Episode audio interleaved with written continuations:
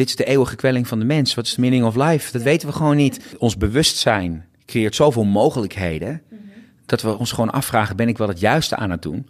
En soms het juiste bestaat dus niet. De juiste partner bestaat ook niet. Je gaat niet 3 miljard mensen af en dan kijken, nou, jij bent het. Zo werkt het niet. Je maakt een keuze, je committeert je ergens aan en daar maak je het mooiste van wat je kan.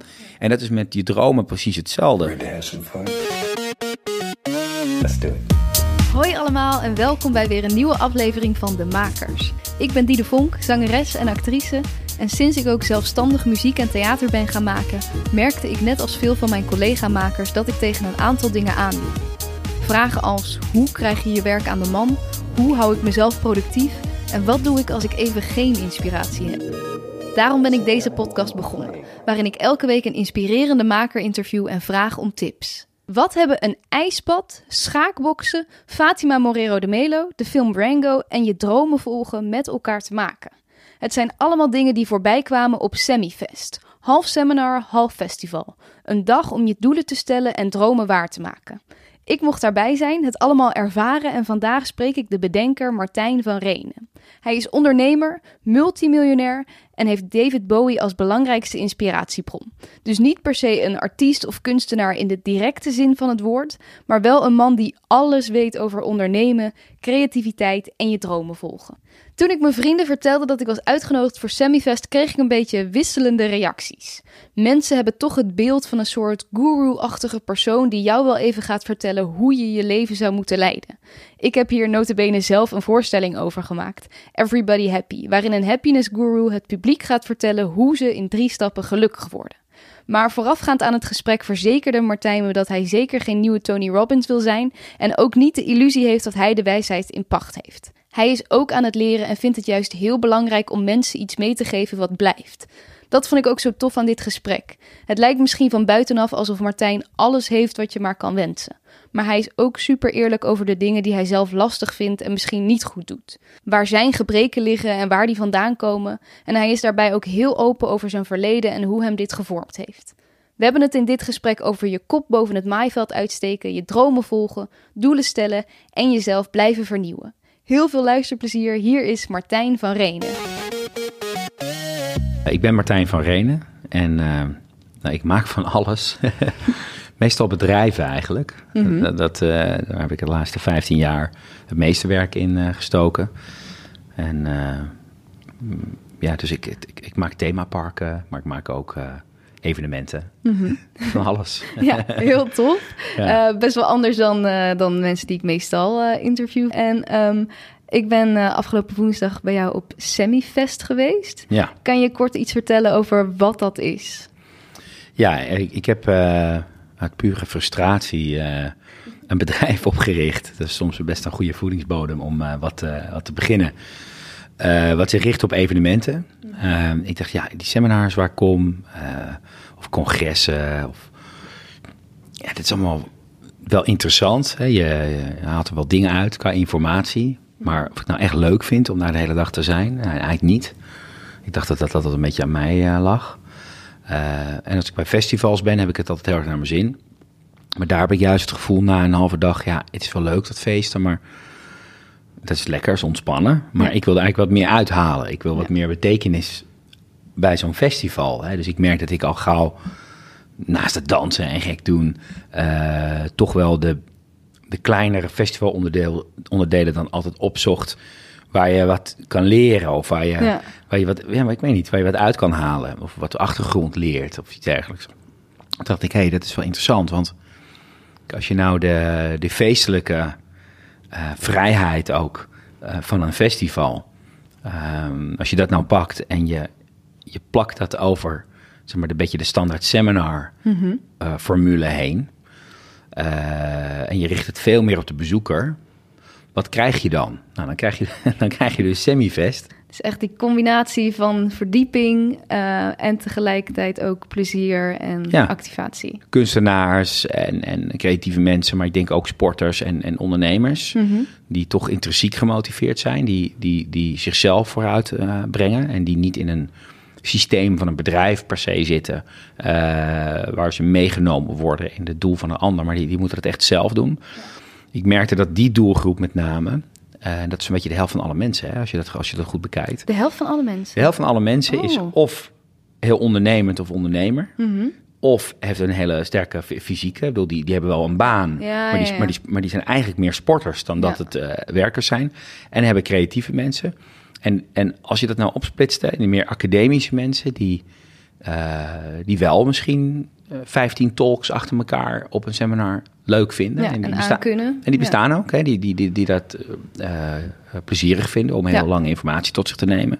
Maar ik vind het toch ook sterk dat er... Ja, het- lijkt me dat dat voor bijna iedereen geldt. Dat je... Ja, misschien zijn er wel mensen, maar...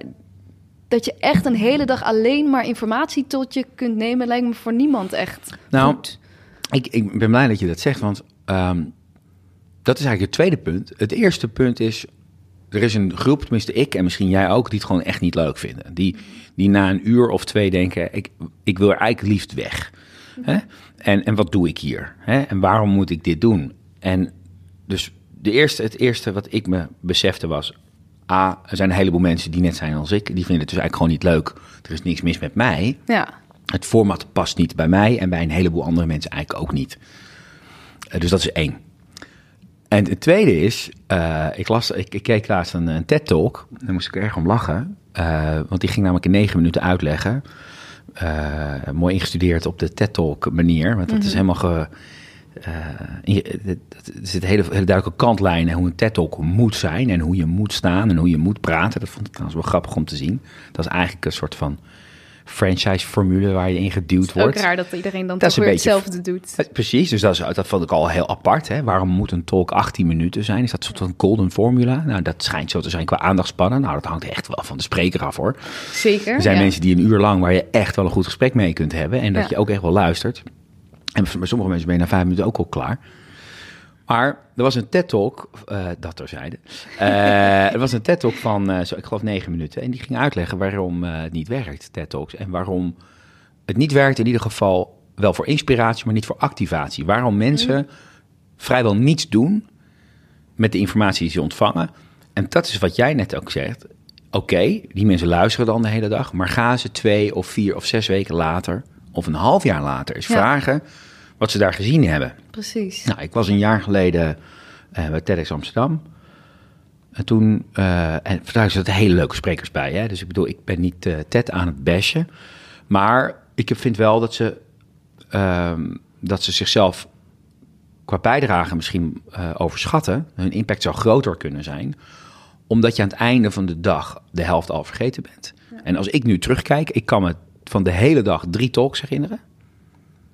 En ik denk als we de rest zouden vragen, dat het misschien vier zijn. Eén daarvan heb ik daarna ontmoet. Dat was gewoon een hele inspirerende man. Die heb ik daarna ook uitgenodigd om wat mee te doen. Dus ik heb er zeker wat uitgehaald. Laten we dat voorop stellen. Ja, Maar als je mij nou vraagt, wat heb ik ermee gedaan? precies. Hè? Dan ben ik heel actief. Ik ben iemand die heel snel iets omzet in een actie. Ik, ik, ik, ik denk dat de meeste mensen er vrij weinig mee doen. Ja. En als je echt ehm, een doel hebt op een seminar, dus niet van leuke inspiratiedag, hè, wat, wat, dan kan je ook naar de film gaan Ja. hè, en een mooie documentaire kijken.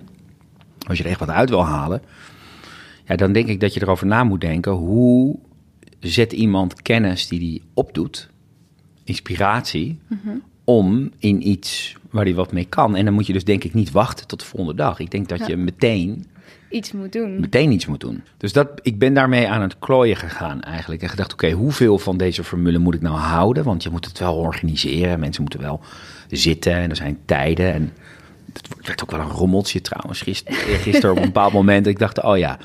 Dus die echt helemaal vrije school, speeltuin. Dat is waarschijnlijk niet voor 12 uur helemaal wat je kunt doen. Dus ik, ik, ik ben daar gewoon mee aan het experimenteren gegaan. Ja, het was een experiment, dat zei je inderdaad zelf ook al. En in hoeverre denk je dat je daarin bent geslaagd? Wa- Wat zijn de dingen die, die gelukt zijn? Ja, nou, kijk, een experiment is altijd geslaagd. Omdat, omdat je namelijk op zoek bent naar de, de uitkomst van, van, je, van je experiment. Hè? Ja. Wat, wat ging goed en wat ging niet goed.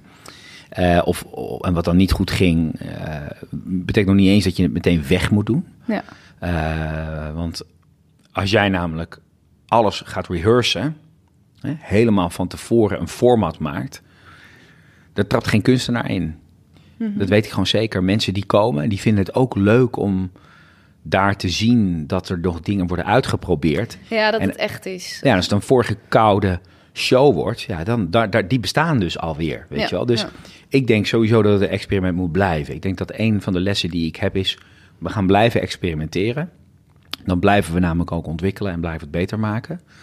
Als je mij nu vraagt, eh, als ik het van tevoren had kunnen eh, hopen van wat, wil je dat er uitkomt. Er zijn een aantal dingen uitgekomen waar ik echt aangenaam verrast ben. Eh, juist dat mensen dus niet op zoek zijn naar de perfecte show. Maar, maar de ruimte en de intentie van de dag eigenlijk het belangrijkste is. Zeker als het persoonlijk is. We, we hebben het hier gehad hè, over hoe je dromen. ehm, je nou, waar, waar- als je een droom hebt 's morgens, wanneer ga je die droom nou echt uitvoeren? En wanneer Ja. ga je die weer wegdoen? Daar gaan we het misschien straks nog over hebben. Zeker, ja. Toen dacht ik, ja, dit is zo'n creatief onderwerp. Ehm, je moet mensen de ruimte geven om daarmee te spelen en, en te doen. En waar ik heel enthousiast van ben, is dat mensen dus de, het programma en de flow van het programma en of het allemaal klopte, dat de gemiddelde persoon dat eigenlijk veel minder belangrijk vond. Ja. Maar dat het vooral de ruimte om te spelen met je eigen ideeën, dat, dat, dat die behoefte er dus Ja. heel sterk is. Zeker, dat denk ik ook. Ja, Ja. absoluut. Heb jij het ook zo ervaren? Ja, zeker. En ik, eh, dat zei ik net ook al even tegen je, dat het misschien voor sommige mensen nog wel meer had gekund. Die echt, dat je echt aan het spelen bent met je eigen droom of zo. Dat, je, Ja. dat, dat daar nog... Ik ben ook iemand die best wel veel bezig is met die doelen zetten. En dus ik had dat al best wel concreet in mijn hoofd voor mezelf. Maar ik had best wel veel mensen om me heen die echt zaten van... Nou ja, ik wil iets bijdragen en- of ik wil mensen helpen. En dat was allemaal nog best wel niet concreet. En er waren een paar mensen in de zaal die dan eh, even iets zei, vertelden over hun droom. En dat waren juist hele concrete dromen. Ja. Dus die mensen om me heen raakten een beetje in paniek. Van ja, zover ben ik nog helemaal niet. En, nee. Eh, ja, ik weet nog niet zo goed hoe ik dat moet vastpakken of zo. Ja. En hoe ik daar echt ja, iets dan van kan gaan maken. En dat dan Ja. echt vervolgens uitvoeren en weten wat ik dan per dag, per week, per kwartaal moet gaan doen. Ja, Nou, ik denk dat dat, ehm, ehm, als je kijkt naar ehm, wat zou ik anders doen, hè? ik denk dat, het, dat die breakouts die we daarna deden, die, die meer gingen over je lichaam en over Ja. jezelf openstellen, Mhm. Eh, die zou ik veel eerder doen. Ja. Ik dacht dat dat niet kon. Er zat een ijsbad bij. En, de- en dat is echt een belangrijk onderdeel van die breakouts. Dus ik dacht, ja, als we dat heel vroeg doen en die mensen vertrouwen elkaar nog niet, dan moet je wel Ja. daar in je, in, je, in, je, in je zwembroek, in je bikini gaan staan. Mhm. eh, buiten, de paradiso. Eh, gaat dat werken? En ik vond het wel belangrijk dat zoveel mogelijk mensen gingen. Dus ik had die wat laat gepland. Mhm. Maar als ik, het, als, ik het, als ik het weer zou doen, wat niet gaat gebeuren, want de volgende keer wordt het gewoon weer helemaal anders. Ja. Maar, wat- maar wat ik er wel uithaal is dat als je mensen eerst de kans geeft om misschien een uurtje kennis te maken. En eigenlijk veel sneller die breakouts te doen. Mhm. Mensen, mensen vertrouwen elkaar dus blijkbaar gewoon veel sneller dan ik dacht. Ja. Dus het was wel echt wel mooi om te zien. Pardon. Dan, ehm, dan ga je meer open. En dan is er meer ruimte daar, eh, daarvoor. Ik denk dat de, de, het verschil in mensen die er was enorm groot was. Zeker. Eh, want sommige mensen kwamen echt met iets nieuws Ja. of zoeken naar iets nieuws. En sommige mensen zochten verdieping voor iets wat al veel eh, verder was. En dus die afstand die was inderdaad eh, best heel groot. Het grappige was dat de, de mensen die al heel ver waren, daar kreeg ik de feedback. Ik dacht dat ik die strategie van mijn al bestaande droom verder ging verdiepen. Maar ik ben gewoon eigenlijk heel serieus gaan nadenken van... maar waarom doe ik dit nou eigenlijk? Nou ja. En daar, kwamen, daar kreeg ik hele goede feedback op. Dus ik zou, ik zou het liefst blijven bij het ontstaan van die droom. Dus eigenlijk waar jij ook Ja. zelf van zei, hè, mensen om jou heen... die dat ook wel, wel zochten. Ik denk dat dat de juiste plek is. Ehm, en eh, het, zaadje is zeg maar woensdag eh, geplant. Wat ik nu eh, vooral moet doen, ik gisteren ook met het team even over gehad. We moeten zorgen dat mensen de, de, de vragen die daar gesteld zijn, waar gewoon best wel goede vragen, denk ik, bij zitten, die je helpen om die verdieping te vinden. Hè, van wat vind ik nou echt belangrijk? Ja. Wat is voor mij een belangrijke droom? Waarom vind ik die droom zo belangrijk?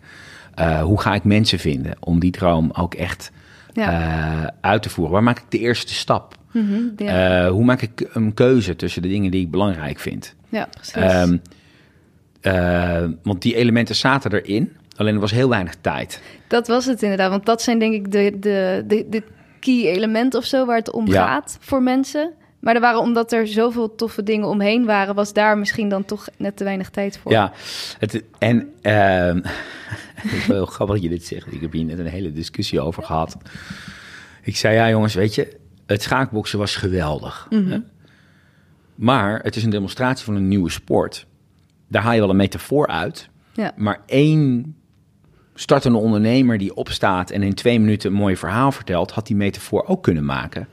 Ja. Dat neemt niet weg dat ik het heel gaaf vind dat we het schaakbox hebben gehad, maar het was gewoon nieuw. Het was gaaf, het was supergoed georganiseerd, het was nieuw.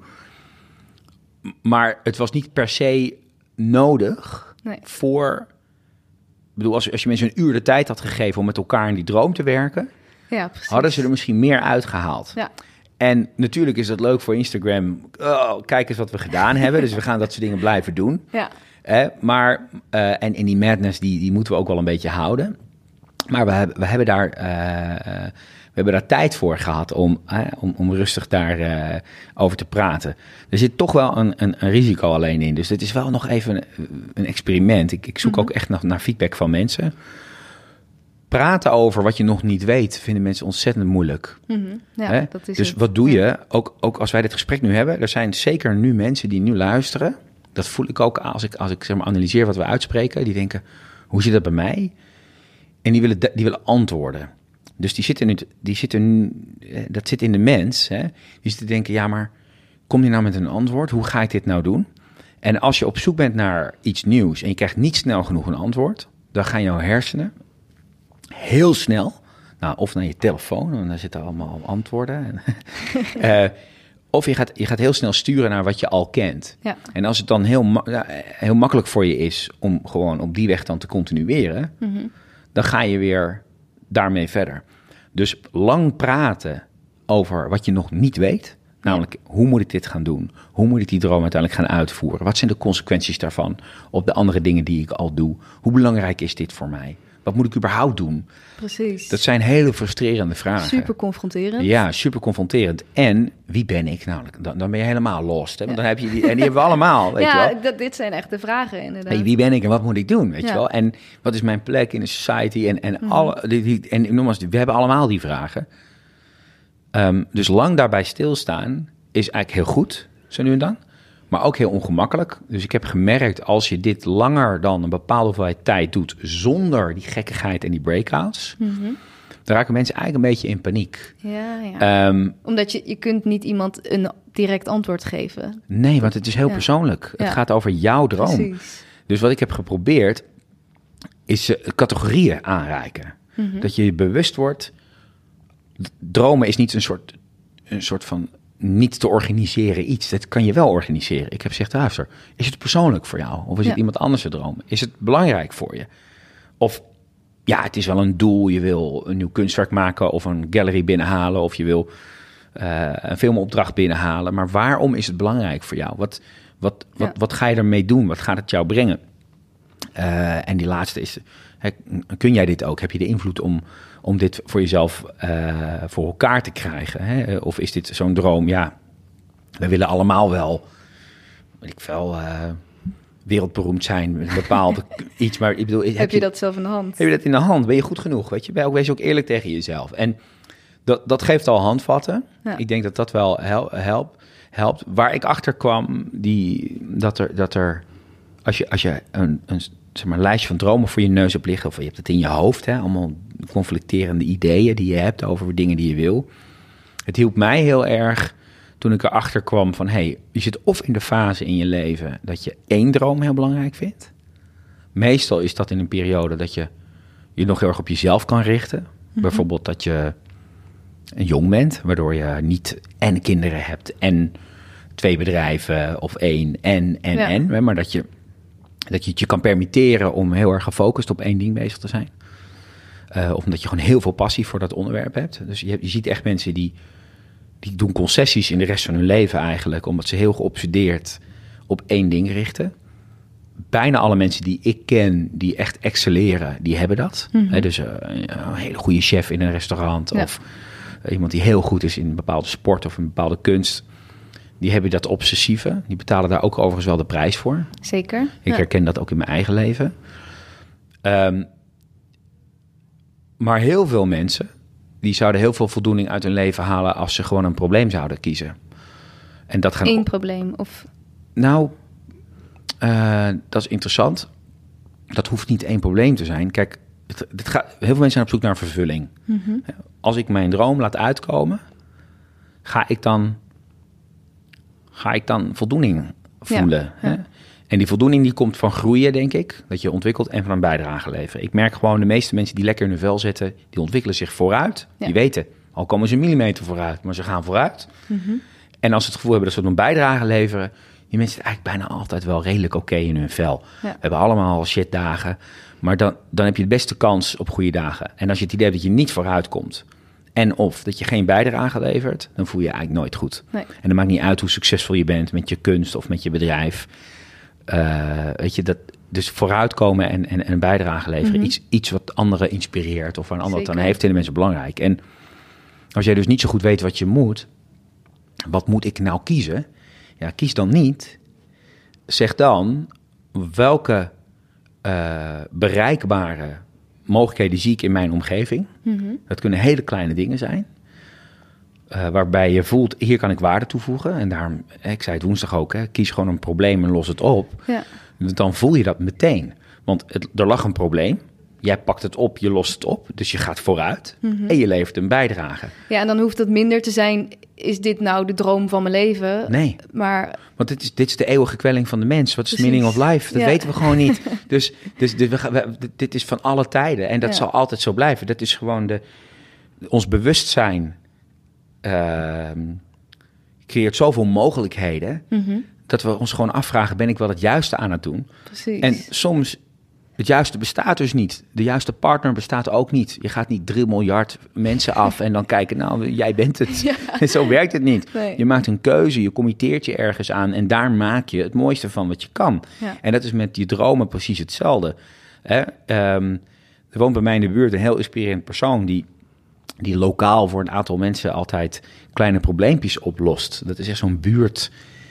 Ja, dat is gewoon een bu- buurtopaatje. Zo'n lieve man, weet je wel. En die heeft zo'n glimlach op zijn gezicht staan. Die man, die, die, die, die is in de tachtig, maar die is volgens mij eigenlijk 14 in zijn hoofd. ja. En dat bedoel ik als compliment. Ja. En die lost gewoon overal kleine probleempjes op. Die regelt het gewoon, weet je wel. En die man krijgt de hele dag te horen...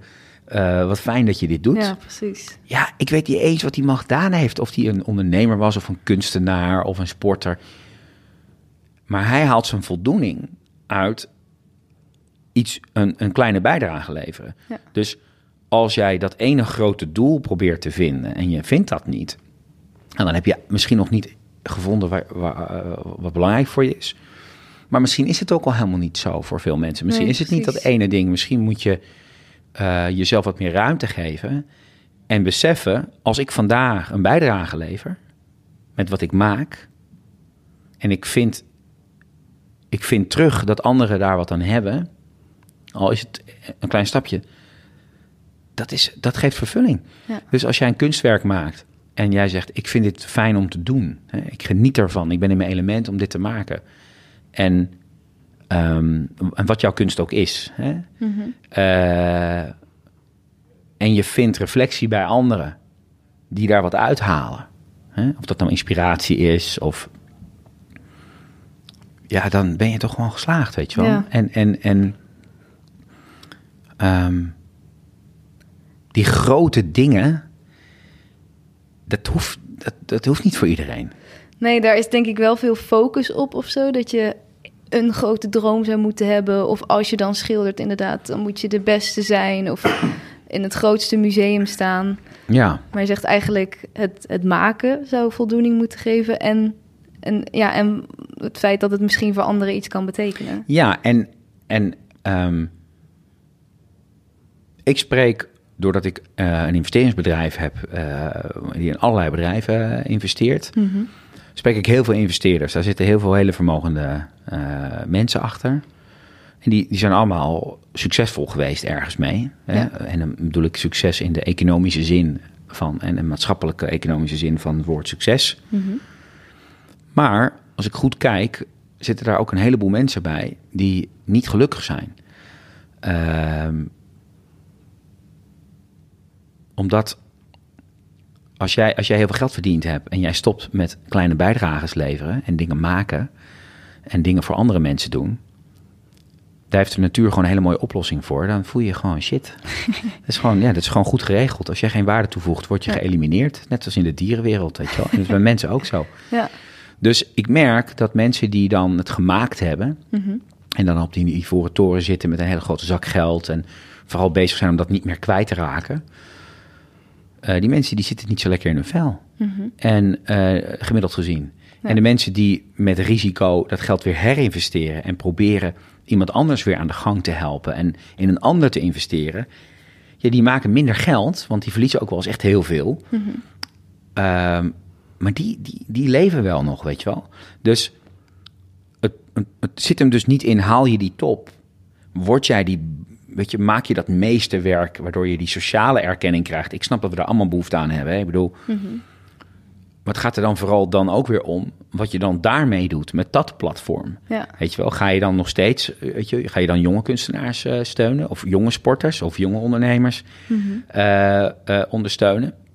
En er is een soort van sociale druk om aan de top te komen, omdat daar alle beloning zit.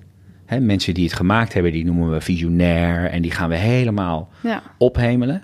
Terwijl er ja, honderd mensen naast staan die net zo moedig bezig waren, die net zulke mooie dingen maakten, hè, die ook een banaan met een stuk tape op een muur hadden geplakt. Eh, ik weet niet of je dat verhaal kent, Ja, die kunstenaar die daar honderd zoveel duizend euro voor krijgt. En er is een Nederlandse student die dat een foto in een boekje van hem zien. Die zegt, joh, die banaan die heb ik ook al een keer. eh. En dat was een leuk idee. En die heeft daar een leuk cijfer eh, bij school voor gehad. Maar misschien was hij er op een andere school wel keihard voor gezakt. Ja. Hè? Ja, hallo, een banaan met een stuk keffertape op de, op de, eh, of duct tape eh, op een muur plakken en daar een foto van maken. Dat kunnen we allemaal. Ja. Hè, dus het grappige is dus dat alle rewards, hè, dat zie je bij sport ook. Het is allemaal naar de golden medal. Ja. En ik denk dat het gewoon een groot maatschappelijk probleem is geworden.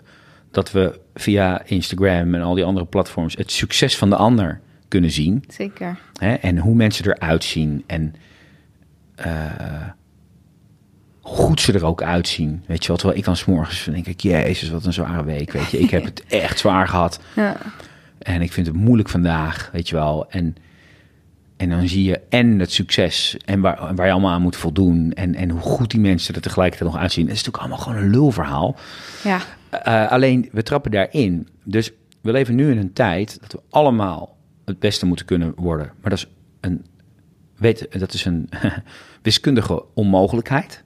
ja, als je duizend mensen hebt, kan je niet alle duizend mensen aan de top hebben. Nee. Dus er gaan sowieso 900 zoveel een gevoel van inferioriteit ontwikkelen. Dus ik denk dat die man bij mij uit de buurt, dat dat, dat, dat, dat, dat de held is. Ja. Ik, denk, ik denk dat als jij, als jij, die, als jij niet bezig bent met superioriteit vanuit jouw ontwikkeling als kunstenaar of ondernemer of sporter, ehm, maar bezig bent met, met jouw beleving van wat jij aan het doen bent en of jij waarde toevoegt, dan is de omvang van jouw succes of de maatschappelijke indruk daarvan, die is compleet irrelevant voor jou geworden. Ja. Want jij weet dat je doet waar je, waar je plezier aan beleeft en waar een ander plezier aan beleeft. Maar omdat we de hele dag aan het vergelijken zijn, heb ik meer succes dan jij. Ja. En omdat er on, oneindige mogelijkheden zijn nu om jezelf te vergelijken. Het is wel, het, is, het lijkt wel of iedereen zich ingeschreven heeft voor een misverkiezing, weet je wel. Ja, We zijn allemaal, Ja. moeten we de mooiste. en moeten we de beste. mooiste en de beste zijn Ja. Mhm. met alles wat we doen. Weet je, en dat, dit is echt een, een, een nieuw, nieuwe. Dat is altijd al zo. De mens is zo. Het is waarschijnlijk ook evolutionair zo geregeld dat we dit doen. Dus we hebben ook dus een hormonale fysieke kwestie aan Ja, daar zit verbonden. vast iets eh, biologisch onder. Ja, dus ik denk niet dat we.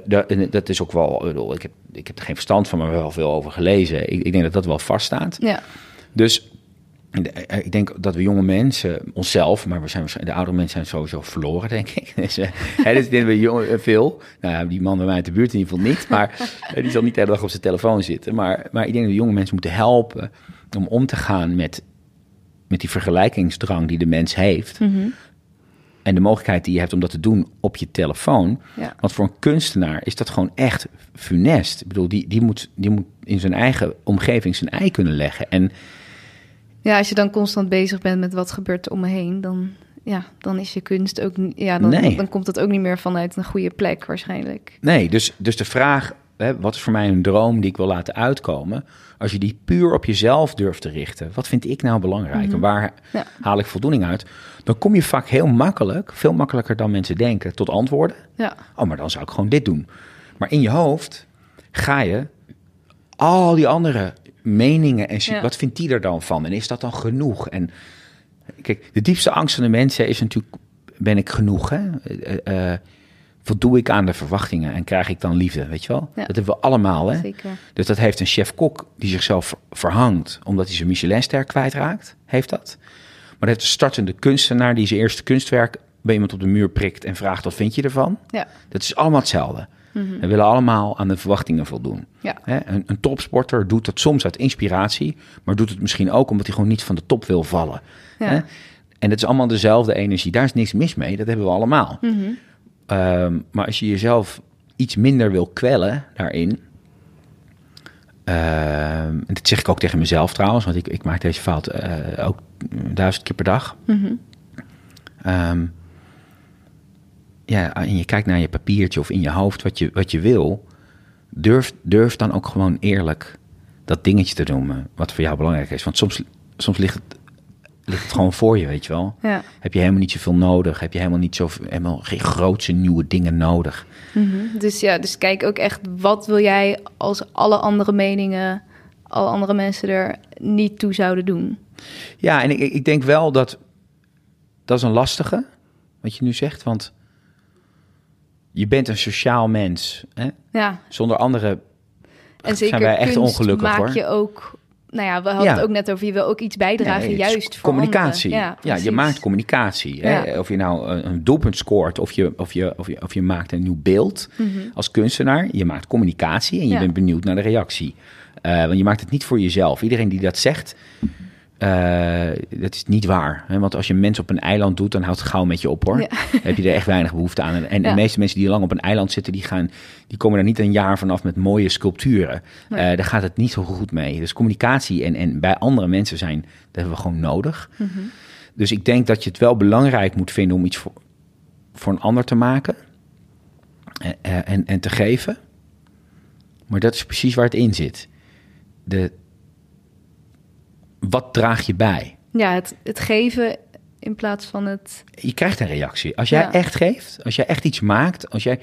Ik heb, ik heb, ik heb mijn eh, succes zakelijk gezien dan, hè? dus het, maar, eh, wat dan in- voor de westerse maatstaven als een succes wordt eh, beschouwd, altijd te danken gehad aan, aan, aan iets oplossen, een, bijdrage leveren dus, een probleem oplossen. hey, dit moet anders, of dit kan anders, Ja. of dit kan beter, of dit is niet goed geregeld.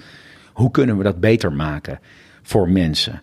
Eh, en daar zit een, als je dat goed doet, zit daar gewoon een beloning aan. Ja. Hè? Als jij een goede comedian bent, eh, wat is het probleem wat jij aan het oplossen bent? Er wordt niet genoeg gelachen. Als er namelijk genoeg gelachen werd, dan gingen we hem niet betalen, of haar, om daar op het podium te komen Ja. Eh, eh, en ons aan het lachen te brengen. Dus Ja. dit, er wordt niet genoeg gelachen. Eh, en dat is Ik los dat op. dat lost je ja. op. Dat is een verdienmodel. en dat is, niks, dat is kunst en daar is niks Ja. mis mee.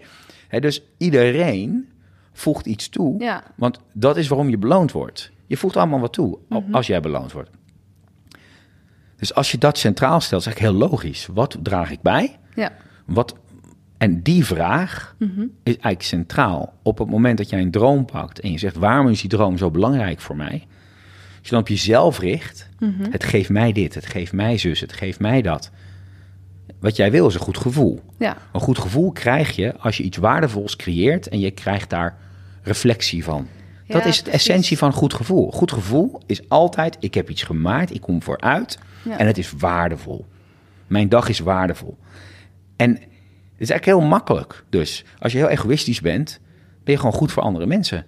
Want jouw, jouw, jouw lekkere gevoel Mhm. voor jezelf, wat je als egoïst wil, komt eigenlijk altijd van een bijdrage leveren. Ja. Ik ken geen mensen die slechte dingen doen, Nee. die daar gelukkig van zijn geworden. Mensen die op een, die, die slimmigheidjes, een commerciële eh, kunstenaars, die, die echt hun, hun mm, integriteit verkwanselen door, door te denken, oké, ik ga gewoon dit maken, want daar verdien ik gewoon heel veel geld mee. Ja. Oké, dan ben ik eigenlijk geen kunstenaar meer. Maar weet je, it pays the bills. Ik snap dat iedere kunstenaar dat, dat, een keer doet om, om, om te cashen. En dat heb ik ook gedaan. Eh, Bowie was een goed voorbeeld daarvan. Eh, ik ben dan een groot Bowie-fan. En die heeft echt kunst gemaakt. Maar die heeft ook wel eens een plaatje gemaakt. En dacht ja, dat begrijp ik. Ja. Dan gaat de kassa rollen. Dus dat heb ik Ja, helemaal ja. niet tegen. Maar dan moet je wel je vrijheid daarna weer terugkopen. Dan moet je wel... Dan moet het iets... Ja, je moet helemaal niks bedoelen, maar als je je lekker wil voelen, is het verstandig om dat wel te doen. Ja. En die, die, dus die, die essentie van ehm, iets willen maken waar je een bijdrage levert, dat is eigenlijk altijd het effect van. ehm, van, van eh, dat heeft meestal als effect dat je een goed gevoel voor terugkrijgt. Dus als jij je heel erg gaat richten op wat jij eruit kan halen, financieel, Ja. dan mag je misschien cultureel of financieel eh, eh, succesvol zijn. En maatschappelijk als een succes worden gezien, omdat jij een huis kan kopen, noem maar, op. Maar in jouw eigen beleving, in jouw hoofd en in jouw hart, ga je dat niet ervaren. Nee. Dus succes, hè, wat is succes? Is succes, jij hebt veel kunst verkocht, je hebt er heel veel geld voor gehad en je staat in de krant. Of is succes, jij weet van binnen, ik heb gemaakt waar ik achter sta Ja. en het werd gewaardeerd.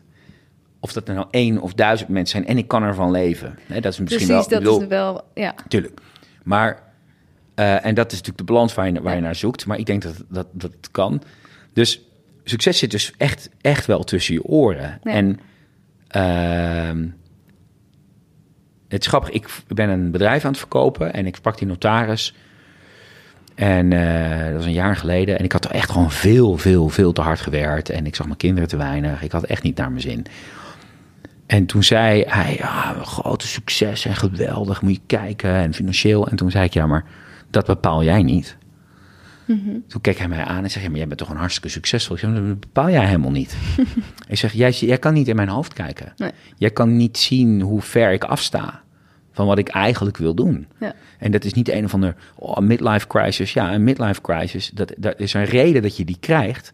Omdat jouw dromen die in jou zitten, die beginnen te protesteren. Die zeggen, hey, en ik dan? Ja. Wanneer zijn wij aan de beurt? Dus jij kan wel vinden dat ik succesvol ben. Maar ik vind dit zwaar. Ik vind dat ik te veel verantwoordelijkheid op me heb genomen. Ik vind dat ik te weinig aan het spelen ben. Ik vind dat ik te weinig met mijn kinderen ben. Ik vind een vader die smiddags de energie en de aandacht heeft om echt daarin op te gaan, die vind ik veel succesvoller. Ja. De ultieme start-up van, van iedere man en vrouw, als je kids hebt in ieder geval, is, dat zijn je kinderen, weet je wel. En Mhm. die vond dat heel lastig, want hij zei ja, maar kom op nou. En toen dacht ik ja, jij hebt in je hoofd, als je daar komt, Ja, maar That's dat where all the goodies are. Mensen Ja. denk ik, als ik dat heb bereikt, dan, dan is het goed. Dan Ja. ben ik gelukkig. En terwijl dat, ja, dat is het natuurlijk helemaal niet. Nee, en het, het, het gemene is dus voor mensen... Oké, dus ik moet daar naartoe, naar die top, hè. Mhm. Ik moet zorgen dat ik daar kom. En dan zit daar iemand en die gaat ook nog eens zeggen... Hè, is dit alles wat er is? Die gaat ook Ja, nog daarover Precies. klagen. Ja. Die man woensdag, hè, misschien weet je dat nog... er was een man die zei... ja, ik heb mijn droom te pakken. Ik ga het huis van de familie terugkopen. En dat vond iedereen super fantastisch. Want ja, weet je, we zijn faillissement. We zijn het huis kwijtgeraakt. Ik wil dat rechtzetten. Voor mij is dat heel persoonlijk. is heel belangrijk voor mij. Ik, ik ga het huis van de familie terugkopen. Ik ga het rechtzetten. En mensen, ah. En toen vroeg iemand... Ik trouwens was het. Ik vroeg, hoeveel geld heb je nodig? En toen zei hij, weet jij het nog? Echt, nou, 50 miljoen? Nee. Vijf miljoen. Vijf Vijf miljoen. miljoen. Vijf miljoen. Toen moest iedereen lachen. En toen ja. moest iedereen, toen zei ik, nou ja, de huis in Amsterdam, eh, hè, het is, het, dat is niet eens zo'n gekke prijs. Maar het was in eh, Brabant, dus dat was Ja, wel een serieus kasteel, eh. serieus kasteel. En de empathie voor die man was meteen weg. Dat voelde ik in de zaal. Mhm. En toen dacht ik, dat is niet eerlijk. Nee. Dat is niet eerlijk. Dus als je, als je dingen hebt, mag je dus niet meer op zoek zijn naar betekenis en mag je dus niet klagen. Ja, precies. En dat is niet eerlijk. Nee. Want misschien is die postbode die een praatje maakt met de buurt elke dag. En die zijn straatje veegt. En die goed voor zijn hond is. En die een lieve partner is. Misschien is die wel veel beter af Ja. dan die jager die, die, die probeert aan de verwachtingen voldoen. En duizend man personeel moet betalen. Weet je wel? Mhm. zeker. En dan kan je wel zeggen, ja, maar jij mag niet klagen. Nou, misschien is die veel meer off-track dan, die, dan Ja. de postbode. Dus ehm, de beleving van wat jij doet in je hoofd, weet je wel? Of je nou een ondernemer of een kunstenaar bent of wat je ook doet. Ja. Dat is de enige maatstaaf. Ja. En, en dat gaat over een beetje vervulling tussen alle kwellingen die er gewoon voor iedereen zijn elke dag. Ehm, ja, ik, ik geloof gewoon in dat dat echt met groei en bijdrage te maken heeft. Ik, ik, ik zie het gewoon om me heen. Als je Ja. dat doet, dus de, en de natuur heeft het gewoon zo gefixt. Ja, Als je dat doet, dan heb je gewoon zo nu en dan momenten dat je echt denkt, ja, zeker. na, tussen al die momenten dat Ja. je denkt, oh, moet ik hier? En die hebben we allemaal. Ja, zeker. Ja. Ehm, laten we het nog even hebben over het festival. Want er zaten heel veel verschillende... We hadden het daar al een beetje over. Verschillende ja, eh, onderdelen in. Ja. IJsbad, het schaakboksen, pokeren met eh, Fatima Morero, Morero de Melo. Ja, En voor mijn gevoel waren dat ook allemaal een soort van eh, metaforen of Ja. thema's voor bepaalde onderwerpen in je leven of in je bedrijf. ja, Dus ik was heel benieuwd of we misschien konden kijken naar die verschillende onderdelen. ja. En ja, op wat voor manier die in jouw leven of jouw werkende leven een onderdeel hebben gespeeld. Ja. Ehm, dat, heb ik, dat heb ik weggelaten. Dus het is goed dat we dat nu doen. Dat heb ik woensdag weggelaten. Dat had ik wel gepland om te Ja? doen. Ja, maar er, er gingen een paar dingen heel erg mis aan het begin. ja, er viel de hele opening, na mijn opening, eh viel weg. Die, oh, Dat heb jij natuurlijk niet Nee. gemerkt. Maar eh, ik, moest ineens- ik moest anderhalf uur aan elkaar praten. En daar zat een heel belangrijk, heel interactief droomshow element. Zat erin, Oh. waardoor je helemaal open zou gaan aan het begin. En vier minuten letterlijk voordat ik op moest en we zouden beginnen, eh, viel dat weg door een technische omstandigheid. En ik zei heel stoer al, fix it. Maar ik Ja, kwam wel in de problemen. eh, want ik, de, de spanningsboog van, de, van, de, van het publiek. En daar zat, een, ehm, daar zat eigenlijk een heel rustige uitleg bij... van waarom die, waarom die breakouts er zijn... en ook waarom die inderdaad een metafoor zijn... voor eigen ervaringen en dingen die ik zelf heb meegemaakt. ja. Dus geef me de kans alsnog om dat te doen. ja, want daar was ik wel benieuwd naar. Ja, dat, dat, dat miste ook echt. Ik, ik merkte ook dat het ontbrak aan, de- aan, aan- de dag. Maar het ging gewoon fout en ik was echt aan het overleven daar. Ja, shit, eh, sowieso Dus die- knap. Ja, nee, maar je, dat mag. En nogmaals, in een experiment. We hebben allemaal risico's genomen. Heel veel mensen hebben dingen gedaan die ze nog nooit eerder hadden gedaan. eh, op vertrouwen. En ik denk dat er iets heel moois uitgekomen is. Maar er gaan ook echt wel serieus dingen mis. En dit was er één van. Ehm, eh, ik, ik merk aan mijzelf dat. ehm, nou, ik kan heel veel niet. Maar ik ben wel iemand die vanuit echt shit situaties, dingen die, die echt onmogelijk zijn of lijken, eh, op een of andere manier weer daar wat van maakt. En dat als een soort van voedingsbodem gebruikt om iets nieuws te creëren. Ehm, en dat is eigenlijk de rode draad. Daarom koos ik Fatima. Ik, de enige reden dat ik met Fati- Fatima eh, er graag bij wilde hebben, is ik vind, ik vind haar een stoere vrouw. Ik vind, ik vind dat zij een voorbeeld is voor ehm, zich niet laten tegenhouden door de publieke opinie over hoe mensen zich moeten gedragen, hoe vrouwen zich moeten gedragen, vinden we. Hè? Ja, absoluut. Eh, en gewoon echt, ja, on- ongestoord haar eigen dromen najaagt. Ik vind dat inspirerend.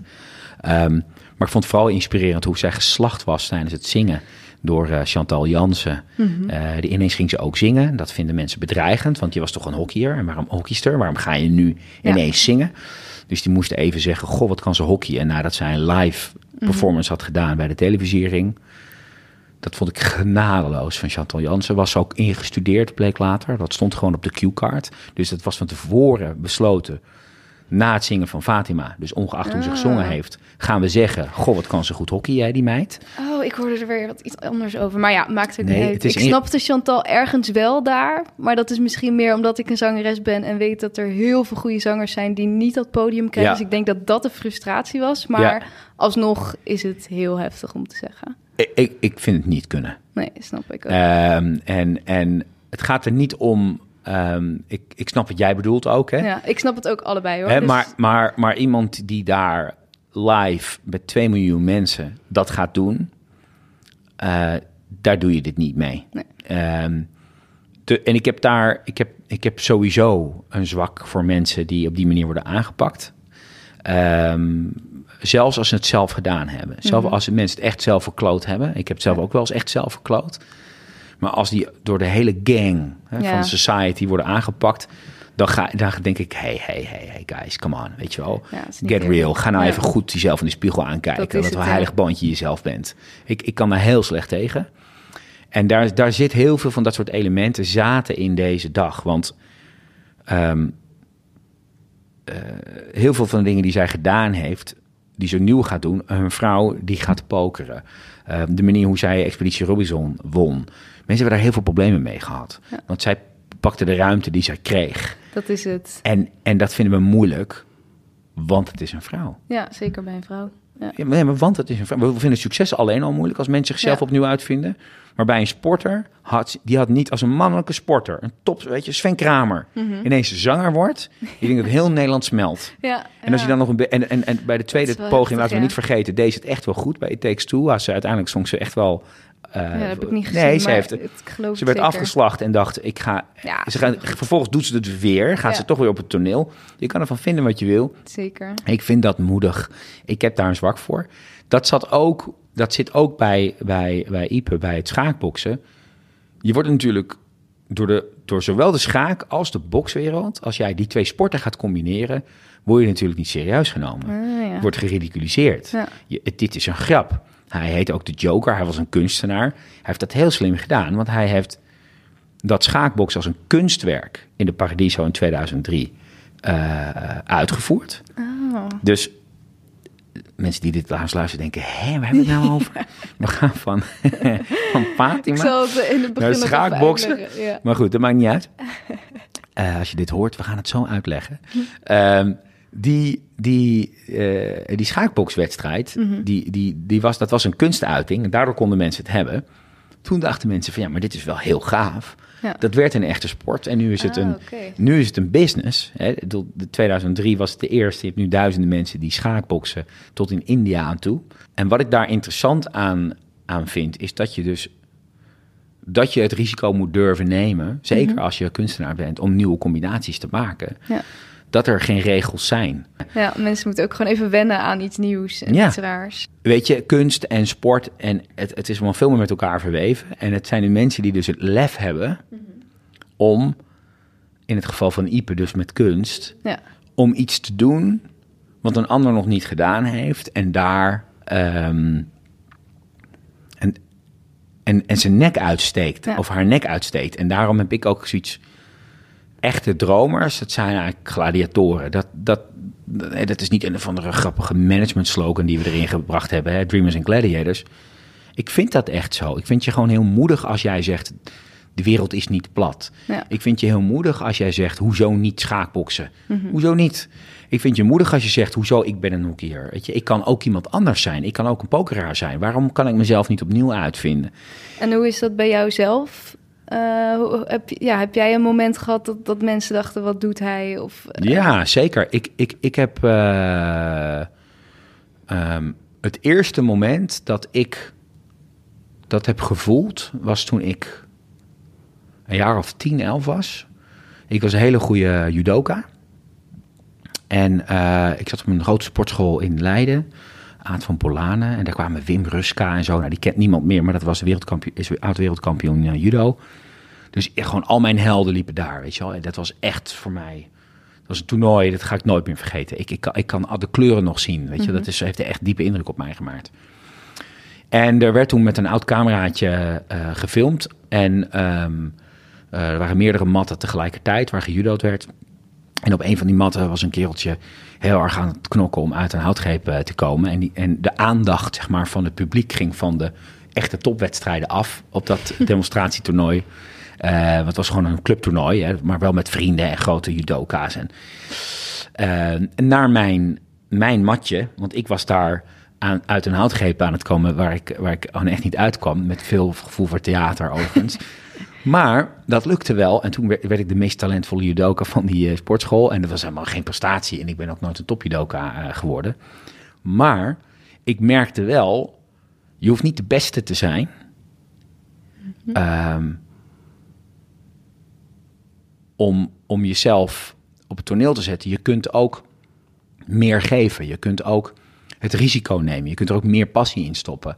Je kunt ook meer overgave tonen. Eh, meer karakter misschien. En ik denk dat ik toen, eh, ik ben toen heel erg aangemoedigd. Mensen vonden dat heel inspirerend en ik snapte het niet. Ik was gewoon elf en het stond helemaal nergens op. Maar ik gooide er zoveel in, weet je. Toen dacht ik, hé, hey, je hoeft dus het is skill, tuurlijk, je moet iets kunnen. Maar karakter wordt, wordt heel erg gewaardeerd. Het op, weer opstaan als je, als je hem op je gezicht gehad hebt, weet je wel. Of als je Ja. echt gefaald bent. Of je wordt afgeslacht in de media, hè, of, of wat dan ook. Je kan opstaan. Eh, en, en de tweede keer dat dat gebeurde, en dat was een, dat was een heel heftige gebeurtenis. En dat, dat heeft mij echt gevormd voor, tot alles wat ik heb gedaan. Eh, ik had geen vader, die, die was vertrokken. En mijn stiefvader was, eh, was een gewelddadige man. Ehm, en eh, niet naar mij toe overigens, maar naar mijn moeder. Eh, en uiteindelijk eh, heeft mijn moeder zelfmoord gepleegd toen ik, toen ik eh 16 was. En door een hele rare omstandigheid, ehm een familie die, die had een bepaald beeld over hoe zij begraven moest worden en zo. En uiteindelijk heb ik die begrafenis gecanceld. Heb ik een een briefje bij de rechter gehaald dat ik als 18-jarige, eh, zeg maar als volwassene mocht handelen in die situatie. Omdat ik wilde meebeslissen met mijn broer samen, ehm, waar ik nu ook mee werk nog. En toen ik, ja, wij willen dat samen organiseren. Ja. Eh, we willen daarbij betrokken worden. En dat wilden ze toen niet. En toen hebben wij de, dus maar de, de, de begrafenis die er was gepland gecanceld. Wow. Ehm, en gezegd, ja, dan doen wij het. Ja. En we willen het graag samen met jullie doen. Maar we, laten, ja, we gaan dit niet Nee, niet je, op jullie manier. Bovendien nou, wist ik een beetje met mijn broer samen wat de wens van, van onze moeder was. Dus die is hier in Amsterdam in eh Sint-Barbara begraven toen. En dat was, dat was zo'n vertoning van verzet van mijzelf. Mhm. Net als bij de judo eigenlijk. was geen rebellie, helemaal niet. ik wist gewoon dat het niet oké was. En dat heeft mij toen echt die familie gekost. Dus ik heb ehm, eh, mijn broer toen ook uit het oog verloren een tijd. En toen was ik echt alleen. Ja. Gewoon echt alleen. Eh, Ik heb ook echt eh, wel een beetje rondgezworven. In de zomer hoor. Dan was in het Vondelpark geslapen. Ik, ik, ik kan niet zeggen dat ik een zwerver ben geweest. Nou hoor. ja, maar wel Was- echt maar, bij de ouders kwijt. En... ja, en alleen zijn heeft mij echt heel erg eh, geraakt. Ik, ik, ik, het is het, niet het overlijden van mijn moeder. En ook niet dat het zelfmoord was. En ook niet andere dingen. En, en normaal weet je, iedereen maakt dingen mee. Hè? Dus dit is mijn ding. Maar we hebben allemaal beschadigingen. Dingen die je overkomen. Of die je gedaan hebt. Of wat dan ook. Waar je, waar je moeite mee hebt in je leven. Ehm, en ik wist toen. En dit, dit, dit gaat of heel verkeerd aflopen. Of ik zal mezelf opnieuw moeten uitvinden. Ja. Ik zal aansluiting moeten vinden bij een nieuwe betekenis voor mezelf. En eh, die jaren die zijn, die zijn heel erg zwaar geweest. Omdat als je geen vangnet hebt, sociaal, hè, als je niet het gevoel hebt dat je ergens kan terugvallen. En ik had natuurlijk moeders van vrienden en vriendinnen. En weet je, ik ben rond gaan zwerven. Uh, maar je weet, je eigen nest, waar je naar op zoek bent van je ouders, dat, dat is er niet Dat meer. nee. Dus ik ben echt heel lang, misschien nog steeds wel hoor, een beetje soort op zoek gegaan om dat terug te vinden. Um, maar wat punt wil ik daar nou mee maken? Want ik, ik zeg dit om een reden. Um, dat lukte eerst niet. Hè? Dat, dat vinden van je. Van, van, van een veilige plek eigenlijk. Mm -hmm. Ik kon op een gegeven moment niet eens eten betalen en zo. Dat was echt, echt verschrikkelijk. Gassen licht afgesloten. Gewoon echt door een deur waar je huis uitgezet worden. Ja. Weer ergens met je tasje aankloppen. Echt shit gewoon. Ja. En um, uh, uh, ik kreeg, ging muziek luisteren en, en boeken lezen en zo. En vooral heel veel David Bowie. En ik, kocht, ik, zo, ik zocht gewoon nieuwe rolmodellen. En dat lukte. Dus wat deed ik? Ik ging een nummer luisteren van Bowie. En die, die zei dan allemaal dingen. En daar had hij waarschijnlijk helemaal niks mee bedoeld. Maar ik plakte daar een fantastische betekenis aan. Dus Under Pressure en dat soort nummers. Wat goed. En toen dacht ik, dit gaat over mij, man. Ja. En toen ben ik naar een concert van hem geweest. In Paradiso. In ah. 97. En ik dacht, die man is waanzinnig. Die vindt zichzelf gewoon opnieuw uit. Mm -hmm. die, gaat, die, die brengt gewoon elke tweede jaar een nieuwe versie van zichzelf op het podium. Ja. Die, die, en er zit wel iemand onder nog steeds, die David Jones heet en die helemaal niet de Bowie is die wij gezien hebben. Maar dit is gewoon een acteur. Ja. Die speelt gewoon een rol en die vindt aansluiting. En toen dacht ik, dat ga ik ook doen. Beetje als Rango, Ja. hè, die tekenfilm. Mhm. Toen dacht ik, dat ga ik ook doen. Ja. En dat lukte. Dus wat gebeurde er toen ik een jaar of eh 19, 20 was? Ik was slim economisch en ik kon goed communiceren. Dus ik vond aansluiting eh, bij een bedrijf en bij nieuwe mensen. Daar werd ik succesvol in. En toen dacht ik, dat ga ik weer een keer doen. Ik ga nu iets, weer iets anders doen. En dat lukte ook. En toen merkte ik dus, als jij heel onbevangen, zonder oordeel van je ouders. Want Ja. die, dat is het enige voordeel van deze situatie. Ik had niks uit te leggen. Ja. Als ik op mijn bek ga, ga ik gewoon op mijn bek. En heb ik het alleen maar aan mezelf uit te leggen. Zeker toen. Ik heb nu kinderen en zo. Dus nu eh, ben ik veel meer bang, eerlijk gezegd, om op mijn gezicht te gaan dan toen. En toen dacht ik, als je dus niet wordt gehinderd door de opinie van jouw directe leidinggevende, namelijk je ouders, als je jong bent, dan kan je eigenlijk superveel. Ja. En ik vond een eigen betekenis achter mijn eigen dromen. En die kwamen gewoon uit. Dus ik heb een, ik heb een themapark in Polen gebouwd. Ik heb een technologiebedrijf in, in Engeland opgezet. Niet omdat ik zo fantastisch ben, helemaal niet. Ik kan, ik kan vrij weinig. Maar ik weet wel heel goed aansluiting te vinden. Als ik een droom heb en ik denk, hey, dit, dit zou wel eens kunnen lukken, dan doe ik het gewoon. Dus je koos echt iets waarvan je dacht, dit, dit vind ik tof, dit ga ik gewoon En uitproberen. ze hebben mij nodig. Ja, Ik was gewoon van overtuigd. hey, hier kan ik waarde toevoegen. Ik moest ook wel. Ik bedoel, ik was natuurlijk Ja. op zoek naar een soort van onderdak overal. Dus je, je zoekt mensen die jou... Die, en dan ging ik een kunstje doen, helpen. Ik ben al- alles bereid om te doen. Dus ik werkte het hardst. Ik, ja. eh, ik heb een huis helpen bouwen in de Provence. En ik zei dat ik een beetje kon metselen, maar dat kon ik helemaal niet. en dan kwam ik daar en die mensen lachten zich rot. Want ik, ze betaalden me ook bijna, bijna niks hoor. Maar dan ging ik maar gewoon doen. Weet je wel. En dus ik, hè, dat noemen ze dat autodidact. Weet je wel. Ik heb geen middelbare school afgemaakt. Dus Mhm. de hoofdopleiding die ik heb is de lagere school hier in Amsterdam. Ehm, weet je, dus ik heb het niet moeten hebben van ouders Nee. of, of school. Maar het kan dus allemaal wel Ja. als je een droom hebt waar, waar jij durft te zeggen... ik ga gewoon mensen vinden die me hierin gaan steunen. En ik denk wat ik goed kan... ik heb de overtuiging als iets niet werkt dat ik het kan oplossen.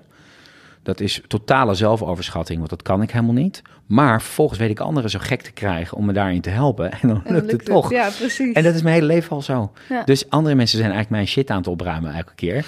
Nee, maar dit is echt zo. Ik, ik, ik heb dan ergens stip aan de horizon gezet. Luister, afgelopen woensdag...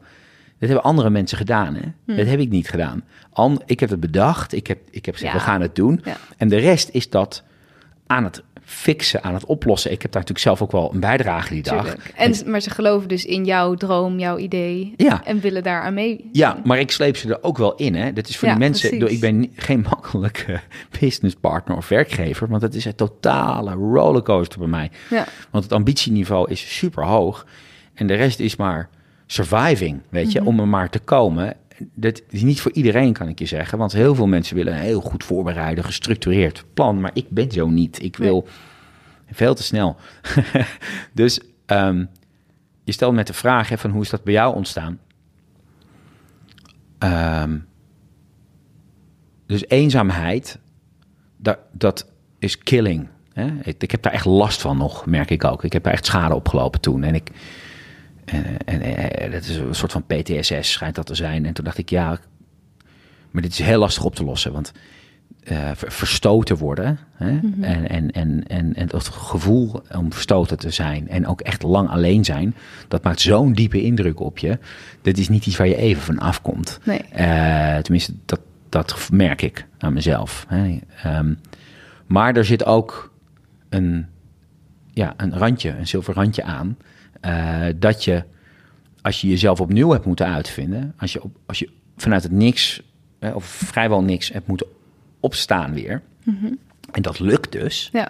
al lukt het maar een beetje, dan komt er dus iets in jouw systeem die zegt: hey, als jij iets echt wil en het is, en, en, en, en het is betekenisvol, dan kan het en je weet er de mensen voor te vinden. Dus vanuit eenzaamheid heb ik eigenlijk de kracht ontwikkeld om juist mensen aan te trekken. ja, precies. En om juist mensen uit te nodigen en juist mensen vertrouwen, eh, het vertrouwen te winnen eigenlijk van mensen. Om achter een idee van mij te Ja. gaan staan. Dat is ook wel bijzonder, want ik kan me ook voorstellen dat, dat je juist heel erg het gevoel zou blijven hebben gehad van ik moet alles alleen doen, omdat je zo alleen Ja. begonnen bent. En Maar, Dat is mijn eeuwige kwelling. ja, en dat is eigenlijk het, het, het trieste ook, eh, wat ik soms voel. eh, ik gebruik eigenlijk die mensen voor iets waar ik achter sta. Dus dat is echt wel iets positiefs. Ja, dat klinkt negatief, maar dat is... Ja, nee, maar dat doen we allemaal. Ja. Als jij een sponsor zoekt, Ja. dan gebruik jij die mensen. Maar het is niet slecht. Je geeft ze ook wat. Hè, dus ik geef ze ook veel. Maar het, ehm,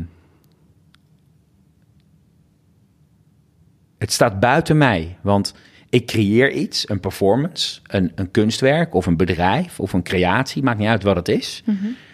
Die mensen gaan mee in die creatie. Maar die creatie, dat ben ik niet. Er zit iets van mij in, maar dat is een project. Ja. Hè? Dus die mensen gaan mee in dat project.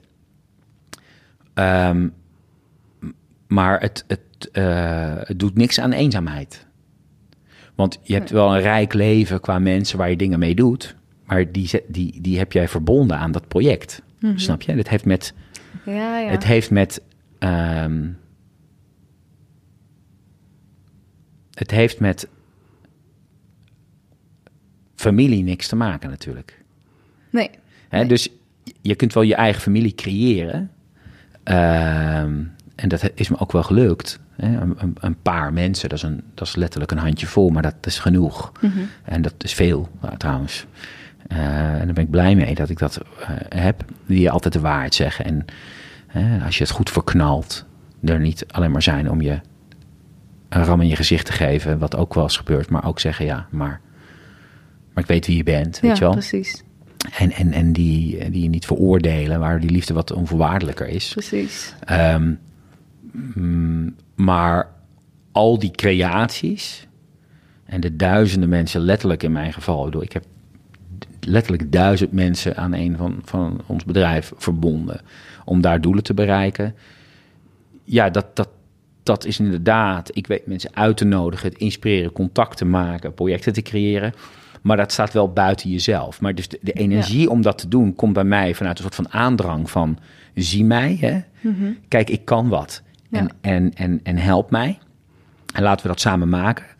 En ik gebruik dat ook wel een beetje om contact te hebben. Dat zit er gewoon in bij mij.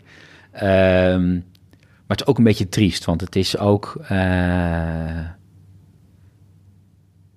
ik heb een beetje van mijn mankement, van mijn litteken, mijn kunstje gemaakt. Ja, ik kan het niet uitleggen. Het lijkt net een soort van circus heb ik nu in mijn hoofd. Hè, het de- is, ja, nee, ik snap, Snap denk je wel ik wat je bedoel? bedoelt. Vroeger had je zo van die freakshows, weet je wel, van de, de, de kleinste man van de wereld. En, Ja, ja, ja. en mijn, kun, mijn kunstje is, ik weet heel snel contact te maken en mensen Ja. aan een idee te krijgen en iets te creëren. Ehm, eh, en ik denk ook dat ik mooie dingen maak. Het positieve eraan is dus, je kan, je kan mensen achter je idee Ja. krijgen. Je, kan En je kunt iets maken. Ja. Maar je moet jezelf, nou, je moet doen wat je wil. Maar in mijn, mijn lezing is, je moet niet denken dat dat qua contact per se vervulling geeft. Nee. Wat mij vervulling geeft, is afgelopen woensdag mensen zien die, die er echt wat mee gedaan hebben. Ja. Een bericht terugkrijgen na woensdag, die zeiden: hey, weet je, ik heb eens heel goed nagedacht en ik. Er zijn een aantal dingen die ik echt anders moet gaan doen. En, en, en mensen die ook stappen nemen. En het mooiste vind ik als ik een jaar of twee jaar later hoor: hey, ik heb die dag een beslissing gemaakt. Die was, die was belangrijk voor mij. En ik, en ik, ehm, eh, ik pluk daar de vruchten van nu. Weet je wel, ik, Ja. ik, ik heb iets moois kunnen creëren. Daar doe ik het voor. Mhm. Dus achter de coulissen, dat, als ik dat kan zien, heb ik het dus niet over credit voor mij. Nee. Dan ben ik vervuld. Ja. Ik heb de erkenning ook helemaal niet nodig. Daar ga ik helemaal niet goed op, eerlijk gezegd ook. Voor mij is het echt oprecht, als ik zie dat een ander iets kan creëren, vooral als het uit het niks is, vooral als het iemand is die nog aan het struggelen is, omdat ik daar zo, zo verbonden mee voel, omdat ik dat zelf ook heb gehad, dat vind ik eigenlijk het allermooiste wat er is. Ja. En ik heb voor mezelf besloten, die, die familiaire vervulling van contact, die probeer ik daar niet uit te halen. Ah, ja. Eh, ik, eh, mijn veiligheid in mijn eigen omgeving, die zoek ik bij mijn vriendinnen, bij mijn kinderen en een paar vrienden. en, en die vind ik ook wel. Ehm, eh, en met mijn creaties, hè, dus in dit geval met, met Semifest, ben ik gewoon op zoek naar het zien. Hè, maar nogmaals, liefst achter de coulissen gewoon. Ja. Het, het, het zien van de ontwikkeling die het voor hen Ja. meemaakt. Dus ook voor de mensen die meewerken, zeg maar. Die, Absoluut. ja, de mensen precies. die in die missie zitten, de mensen die, daar, eh, die het product krijgen. Dus hè, ik heb het themapark in Polen gebouwd. Het gevoel van vervulling van de mensen die het hebben kunnen creëren. Ja, precies. Eh, ik vind het superleuk om te zien die kids die daar lol hebben. En Ja. er was daar weinig eh, op het gebied van themaparken of niks. Dus ik vind, ik, vind dat, ik vind dat mooi. Daar geniet ik op, echt oprecht van. Mhm. Maar je moet die dingen wel uit elkaar... Nee, je moet niks. Maar ik, ik, ik heb gemerkt in mijn leven, in ieder geval tot nu toe... Mhm. dat je die, het gevoel van, gevoel van betekenisvol zijn... in je directe, intieme omgeving... Ja. en het gevoel van betekenisvol zijn als createur... als, als kunstenaar of wat je ook doet... dat twee verschillende dingen zijn. Ah, dat vind ik interessant, ja. Ja, want kijk, als jij... Als jij je bent zangeres. Ja, Stel dat jij een plaat maakt... of ergens een, op een festival staat of er gebeurt iets... en je breekt ineens door. En ineens ben jij de tweede London Grammar. En, Mhm. en, en je, je, je krijgt enorm veel eh, fans. Mhm. Eventjes lijkt dat liefde te zijn. Ja. Heel even, dat heb je bij ehm, Ben Howard bijvoorbeeld heel erg gezien... dat gewoon een hele goede zanger is en een goede liedjesmaker, Oh ja, ja. vind ik. zeker. Ehm, maar die er wel met bijna onderdoor ging. Omdat zijn fans steeds jonger werden. En dat waren gewoon gillende fans. En die luisterden helemaal niet naar zijn teksten. Nee. En hij wil een boodschap overbrengen. Hij wil zijn gevoel neerleggen. Maar ze willen alleen maar hitjes horen. Ja. Aan het begin denk je heel even... die mensen houden van mij. Hè? Dan haal je daar je waarde Net als dat je vrienden van je houden, weet Ja. je wel. En haal je daar je waarde uit. En ik vond het helemaal geweldig. Want wat deed hij? Die ging een hele donkere, duistere plaat... Die, ik, Klopt, ge- ja. Mhm. die ik geweldig vond overigens. Want ik snapte precies wat hij deed. Ja. Ging naar een concert van hem. Ze schreeuwden om die Keep Your Head Up en zo. En toen ging hij in de, in de AFAS Live, heet dat nu. Een rare naam trouwens, maar goed. Eh, eh, eh, ging hij dus Keep Your Head Up doen, maar een hele langzame, down, dark versie. Ik denk, ja, dat is wat je moet doen. Ja. Fuck hem all, weet je wel. Het is jouw kunst Dat is het. ophouden. Je bent gewoon, gewoon weet je, zo'n marionettenpop wil, dan moet je een computer kopen. Ja. En dus ik vond dat geweldig. Want die fans hadden hem opgegeten. Mhm. die, die, die, die zijn nu eigenaar van hem geworden, weet je wel. En die komen niet brengen. Die houden helemaal niet van hem. Nee. Die willen alleen maar halen. Ja, hè. ja. En eh, de, de, dus als je iets maakt om te geven, is het natuurlijk prachtig. Maar ga de wil van mensen om wat jij maakt te hebben, niet misverstaan voor liefde. Nee. Als je een doelpunt scoort, vinden ze je geweldig. Als je mist, dan kan je opdonderen. En zeker in Nederland. In Ja. Nederland zijn we daar heel hard in. Onze helden hebben hier een kort leven. Ja. Zodra je niet presteert en niet geeft, zijn we snel weer van je af. Mhm. De liefde is van korte duur. En dat is misschien triest, maar dat is gewoon zo.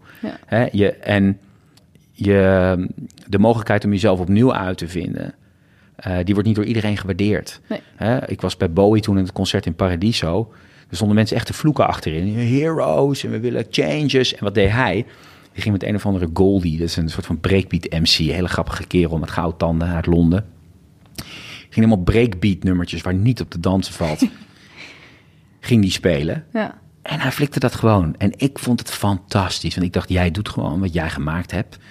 En je hebt dit podium, dus Heroes komt straks wel. En die Ja. deed hij daarna ook. En iedereen was weer tevreden, weet je wel. Ze hadden allemaal hun dosis eh feel good hadden ze Ja, gekregen. precies. Maar ze komen voor nostalgie. Ze komen wat halen. Ja. Dus, ehm is misschien een beetje een zuur gesprek eh, eh, dit. Maar ik denk als je een kunstenaar bent, ben je op een hele kwetsbare plek. Mhm. Want je wil erkenning. Je wil dat iedereen jouw werk mooi vindt. Maar pas op, dat is geen liefde. Hè? Nee. Het is gewoon, ze, vinden, ze halen er gewoon wat uit en dat is oké. Ja. Dus ik, ik heb, ben aan het leren nu voor mezelf. En dat heb ik, probeer, ik, probeer ik bij Semifest en bij Ignition ook te doen. Durf nou te blijven bij die droom die voor jou belangrijk is. Ja, natuurlijk probeer hem over de hele wereld uit te smeren. Ja. Maar als je dat doet voor erkenning, wat we allemaal een beetje hebben, hè, da- dan kom je slippery slope. Dan ga je wel daaraan onderdoor uiteindelijk. Ja, want, want, want zelfs als je succesvol bent, gaan gaan ze je nog haten. Het is, Ja. kijk maar goed. Ja. Kijk maar goed. Hè, als jij de dochter bent van een, van een koningin, dan kan blijkbaar iedereen dus alles over jou zeggen, ook als je 13 bent. Ja.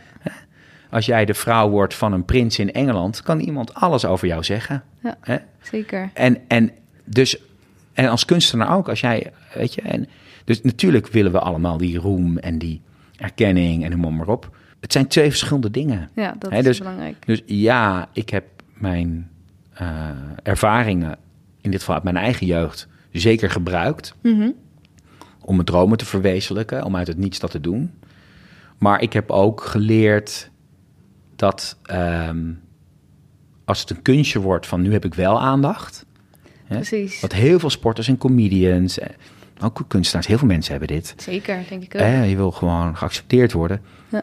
Ja, dat, dan is het succes niet de oplossing hoor. Nee, dan Da- word je uiteindelijk dan niet. Ja, dus ga vooral mooie dingen maken. Maar Ja. die plek van ehm, ja, dat, je, dat je gevoel hebt dat je oké bent als, als mens. Ja, die komt toch echt ergens anders vandaan. Ja. Want dat succes gaat ook weer een keer weg, weet je. Zeker. Ik denk dat we helaas een beetje moeten afronden. Ja, ik nou. kan echt eh, lang naar je luisteren. en we hadden nog heel veel andere dingen kunnen Ja. bespreken, denk ik. Maar ik vind het heel interessant. Ja, En eh, mooie thema's, denk ik. ja. Eh, heb jij misschien tot slot nog... Nou, je hebt al heel veel wijze dingen gezegd, denk ik. Maar nog een, een tip voor jonge creatieve mensen... die, ja, die, die jou heeft geholpen in jouw eh, ondernemersweg of in je leven? Ja, ik, ik heb, dat heb ik zeker. Ik heb een, ik heb een omweg genomen. Ik heb, ik heb heel veel dingen gedaan om heel veel indruk te maken. En ik heb daar geen spijt van. Ehm, maar er is, een, er is echt wel een kortere weg. Iedereen moet zijn eigen weg wan- bewandelen als, als jonge ondernemer en, en kunstenaar. Ehm, maar als je, als je dicht blijft bij je eigen integriteit, wat jij weet, wat je, waar je voor, wat je fijn vindt om te maken, nog niet eens waar je voor gemaakt bent, want je, je kunt jezelf opnieuw uitvinden. Je bent niet voor één ding gemaakt. Dus dat is eigenlijk les nummer één. Kies gewoon wat. Ja. En geef daar je hart aan. En je zal daar denk ik het meest vervulling vinden. Het, je, er is geen bestemming, daar ge- geloof ik niet in. Als je er wel in gelooft, ook goed. Hè? Maar ik, ik denk dat, je, dat het wel maakbaar is. Ik denk wel dat je je eigen kunst hebt. Dat iedereen een soort van gave heeft. Maar die kan je op heel veel verschillende plekken kan je die toepassen. Dus dat komt wel goed. En ik denk als, als belangrijkste punt ehm, dat succes. Succes is op het moment dat jij voelt dat je iets moois gemaakt hebt. eh, en dat er mensen zijn die daar wat uithalen. En dat de omvang niet het gevoel van succes vergroot. Als dat honderdduizend mensen zijn, even een lekkere kick. Maar dat uiteindelijke gevoel van vervulling komt daar niet volgens mij vandaan. Het komt er van, vandaan dat je gewoon dicht bij jezelf blijft, wat je, wat je wil maken. En dat kan ook heel klein zijn. Beter één millimeter vooruit hè, dan een kilometer een kant op rennen voor iets wat je helemaal niet Ja. bij jou past, weet je wel. Ja, Ja. heel mooi. Dankjewel. Dankjewel. Yes, dat was hem weer. Een wat langere aflevering dan normaal, maar ik wilde jullie toch al deze informatie niet onthouden. Ik ben heel benieuwd wat jullie vonden. Hier wat van mijn takeaways. 1. Als je geïnspireerd bent, zorg dat je hier ook gelijk naar handelt. Een hele dag TED-talks kijken en luisteren voelt misschien goed, maar als je niet gelijk iets doet met de nieuwe inzichten, is de kans heel groot dat het gauw weer vervliegt. 2. Wees niet bang dat je op zoek moet naar die ene grote droom of passie. Er zijn genoeg mensen die dit niet per se hebben. Dat wat jouw leven betekenis geeft, is in hoeverre jij iets kan bijdragen voor een ander. Dus kijk om je heen. Wat voor kleine problemen zie je? Waar kan je iets oplossen? Dit kan dus ook zijn: er wordt te weinig gelachen, dus ik ga mensen aan het lachen maken. Of mensen nemen te weinig tijd en staan te weinig stil, dus ik ga een kunstwerk maken waarbij mensen even stil moeten staan en nadenken. 3. Wees je bewust van het verschil tussen liefde van de mensen om je heen en liefde voor je werk. Als iemand jouw muziek of jouw werk te gek vindt, lijkt dit even liefde te zijn.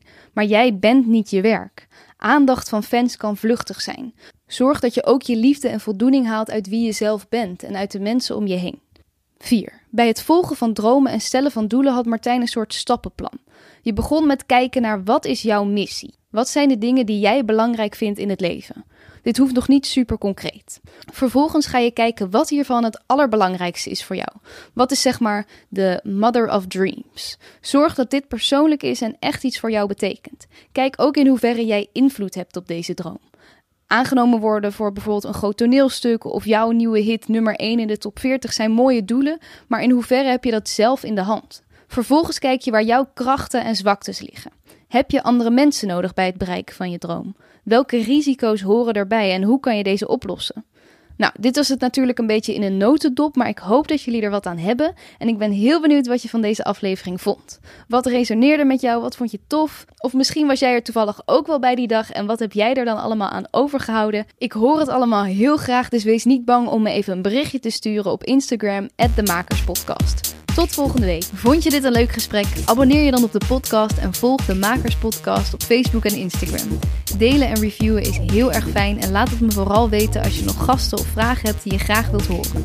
Volgende week staat er weer een hele bijzondere, inspirerende gast voor je klaar.